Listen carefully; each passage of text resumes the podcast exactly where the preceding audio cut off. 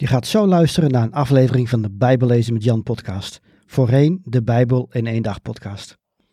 De genoemde links in deze uitzending kunnen verouderd zijn. Kijk op bijbellezenmetjan.nl of in de omschrijving van deze aflevering voor meer informatie over hoe ik mensen en kerken kan helpen met het lezen, begrijpen en geloven van de Bijbel. Welkom bij de Bijbel in één dag podcast. Mijn naam is Jan Heijnen. Ik ben auteur van het boek De Bijbel in één dag. Ik geloof dat de Bijbel Gods woord is en dat we allemaal deel uitmaken van zijn verhaal. De Bijbel is ook een vreemd boek soms. Ik help christenen de Bijbel te lezen, te begrijpen en te geloven. Op de Bijbel kun je het e-book De Bijbel in één dag gratis downloaden. Ook kun je de paperback bestellen of je inschrijven voor een van mijn cursussen of seminars. Oké, laten we met de aflevering beginnen. En we zijn aangekomen bij een van de boeiendste boeken uit de Bijbel. 1 en 2 Samuel. Die vormen één geheel in de Bijbel. De reden dat ze zijn opgesplitst in twee boeken heeft alles te maken met de lengte van de boekrollen. Samuel was namelijk te lang om op één boekrol te kunnen en werd daarom verdeeld over twee boekrollen. Hetzelfde zie je later bij 1 en 2 Koningen en 1 en 2 Kronieken. In het boek Samuel vinden we enkele van de meest bekende verhalen uit de Bijbel. David die de reus Goliath verslaat en zijn favoriet bij veel kinderen en volwassenen. Toch moet je dit Bijbelboek niet enkel lezen om te worden geïnspireerd door David. God gaat namelijk verder met zijn reddingsplan voor de wereld. Hij vormt Israël om tot een natie die uiteindelijk de wereld tot zegen zal zijn en dan met name in de persoon van Jezus. Het boek Samuel is vernoemd naar de profeet Samuel, die ook de laatste zogeheten rechter was die het volk moet leiden. Hij zalft uiteindelijk de eerste koning in dit Bijbelboek. Maar het begint met zijn kinderloze moeder, die trouw naar de tempel gaat en God smeekt om haar zwanger te laten worden. Als u mijn gebed verhoort, zegt ze, zal het kind altijd u toebehoren. En God beloont haar. Ze krijgt een zoon, die ze Samuel noemt, en als hij oud genoeg is, brengt ze hem naar de tempel. Daar bidt ze een prachtig gedicht dat de basis vormt voor de rest van dit mooie Bijbelboek.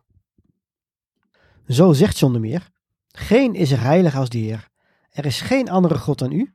Geen rots is er als onze God. Gebruik toch geen grote woorden. Blaas niet zo hoog van de toren, want de Heer is een alwetende God.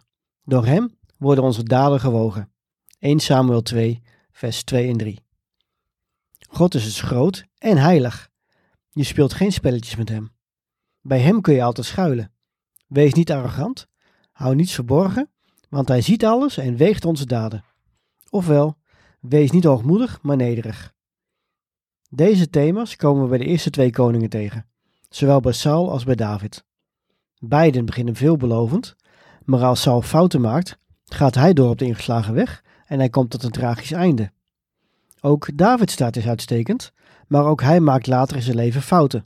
Die hebben grote gevolgen, maar hij keert wel terug bij God en daarom loopt het met hem toch een stuk beter af.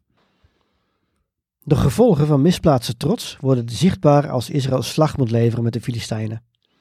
Het leger raadpleegt God niet, maar laat wel de ark van het verbond als symbool overbrengen. En prompt wordt het gevecht verloren en de Filistijnen nemen Gods heiligdom mee. Ze plaatsen de ark in de tempel van een plaatselijke god. Maar God deelt zijn eer met niemand. Het afgodsbeeld breekt in stukken. Vele inwoners sterven en anderen worden getroffen met aanbijen. Hetzelfde overkomt de burgers van de tweede stad waar de ark naartoe wordt gebracht. En na in totaal zeven maanden geven de Filistijnen het op. Ze zetten de ark op een kar en laten twee runderen het terugbrengen naar Israël. De trots van zowel Israël als van de Filistijnen is dus bestraft. Terug naar de profeet Samuel. Als hij het stokje overneemt van zijn collega Eli, bereidt hij zijn zonen voor op het priesterschap. Deze twee jonge mannen nemen het echter niet zo nauw met de geboden van God. Ze blijken zelfs corrupt te zijn. En de stammen van Israël worden hier niet gelukkig van en verzoeken Samuel een koning aan te stellen. Ze willen graag net zoals ze voorkomen heen zijn. En dat is precies niet de reden waarom God hen uit Egypte had bevrijd. De Israëlieten moesten anders zijn dan de mensen om hen heen. Samuel is natuurlijk bedroefd en God ook. In feite zeggen Gods kinderen namelijk tegen hem: We vertrouwen u niet, we willen iemand anders. God besluit de Israëlieten een zin te geven en draagt Samuel op een koning te zalven, ook al zou die koning veel meer van hen vragen dan God ooit zou doen. Uiteindelijk komt Samuel uit bij Saul. Een beer van een vent, een strijder en, zo zegt de Bijbel, een knappe man van 30 jaar. Uiteindelijk was hij twee jaar koning. Hij wint wat veldslagen, maar blijkt arrogant te zijn en houdt zich niet aan wat God tegen hem zegt. Samuel vertelt Saul dat God een andere koning gaat benoemen. En terwijl Saul langzaam ten onder gaat, komt David langzaam op. Hij heeft niet de kwaliteiten van Saul, maar is een jonge herder die wel vertrouwt op God. Dat blijkt ook als hij het als enige opneemt tegen de Filistijnse reus Goliath. Saul had natuurlijk voorop moeten gaan in de strijd. Daarvoor was hij aangesteld. Maar hij doet het niet en laat de reus dag in dag uit de God van Israël lasteren. David, die zijn broers in het leger kon bezoeken, kan dit niet langer aanhoren en gaat de Filistijn te lijf met alleen een slinger en een pak kiezelstenen. De trotse Goliath is kansloos tegen de nederige David, die hem met één enkel steentje voor goed uitschakelt. David krijgt uiteindelijk twee rollen in de hofhouding van Saul. Hij moet met zijn muziek de depressieve Saul opbeuren en hij functioneert als generaal. Zijn overwinningen zijn talrijk en Saul wordt jaloers en probeert David te doden. David vlucht en terwijl hij zich verborgen houdt, krijgt hij verschillende malen de kans om Saul te doden. Hij doet het niet, want hij beseft dat Saul nog altijd de door God gezalfde koning is. Dat David inmiddels ook is gezalfd, geeft hem niet het recht om Saul om te brengen. Hij wacht op Gods timing, ondanks dat het lijkt alsof God niet bij hem is. Veel van Davids psalmen zijn in deze periode van Davids leven geschreven. Niet toevallig. Vertrouwen op God is een belangrijk thema in die gezangen. 1 Samuel eindigt met de dood van Saul en zijn drie zonen tijdens een slag met de Filistijnen. Een van hen, Jonathan, was een boezemvriend van David. In het vervolg van Samuel zien we hoe David de troon bestijgt. Eerst alleen van de stam Juda, maar uiteindelijk krijgt hij alle twaalf stammen achter zich. Hij verovert Jeruzalem en wint ook andere belangrijke veldslagen. Het is het begin van een gouden eeuw voor Israël, die pas eindigt na de dood van Davids zoon Salomo. Tijdens zijn leven wil David God eren met de tempel. Hij woont immers in een paleis en de Heer slechts in een tent. Maar God antwoordt via de profeet Nathan dat hij niet om een tempel heeft gevraagd. Hij heeft niets nodig wat mensen kunnen geven, maar hij doet wel een belofte aan David. Hij belooft David dat zijn koningshuis eeuwig stand zal houden. Zou David begrepen hebben uit deze woorden dat er verlosser geboren zou worden uit zijn nageslacht? Dat is moeilijk met zekerheid te zeggen. In de psalmen zijn in ieder geval veel verwijzingen naar een Messias die nog moet komen. Dat is ook wat God hier belooft aan David, dat er een Messias zou komen. Dat is de ware betekenis van Gods woorden. David is natuurlijk perplex door wat zojuist er hem gezegd is en gaat de tent van de samenkomst binnen om God te bedanken en te aanbidden.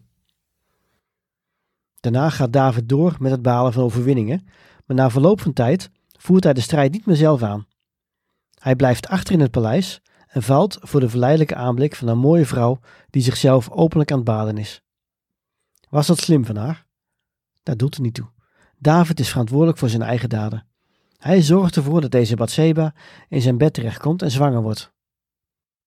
Ze blijkt getrouwd te zijn met een van Davids krijgers, een man die Uria heet. Om zijn zonde te verbergen, probeert David om Uria zover te krijgen dat hij met Bathseba naar bed gaat. Maar Uria is een tegensoldaat die weigert om met zijn eigen vrouw naar bed te gaan, omdat andere militairen dat voorrecht ook niet hebben.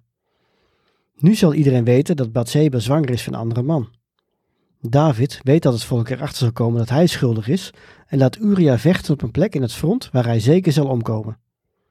Zo probeert hij zijn zonde te verdoezelen. Maar God is alwetend, zei Samuels moeder Hanna aan het begin van het verhaal al.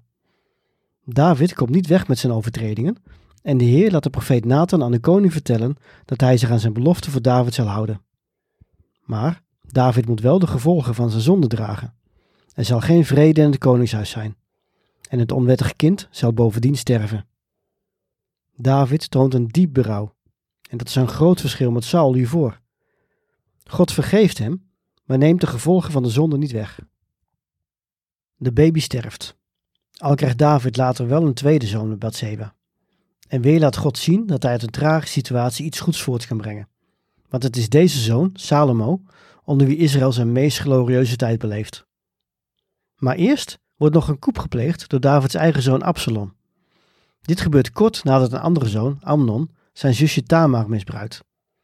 Absalom laat Amnon vermoorden en probeert David van de troon te stoten. Opnieuw moet David vluchten, ditmaal voor zijn eigen zoon. Uiteindelijk wordt Absalom ook ter dood gebracht, tegen de wens van David in. Davids koningschap wordt hersteld, maar David sterft uiteindelijk als een gebroken man, iemand die veel verdriet in het leven heeft gekend. Toch was hij een man naar Gods hart. Niet omdat hij foutloos was, maar omdat hij niet volhardde in zijn zonde. Telkens weer kwam hij bij God terug. Dat zien we ook in de slothoofdstukken, die passages uit de levens van Saul en David beschrijven. En ook zijn hier nog enkele liederen opgenomen. In deze hoofdstukken komen de thema's uit het gebed en het gedicht van Hanna weer terug. Wie is de ware heerser van Israël? Het mag duidelijk zijn dat dit God is. De koningen kunnen ervoor kiezen zichzelf nederig op te stellen en op God te vertrouwen, of ze kunnen op zoek gaan naar glorie voor zichzelf. David zingt dat God hem redt, hem de overwinning schenkt en het verdient om te worden aanbeden.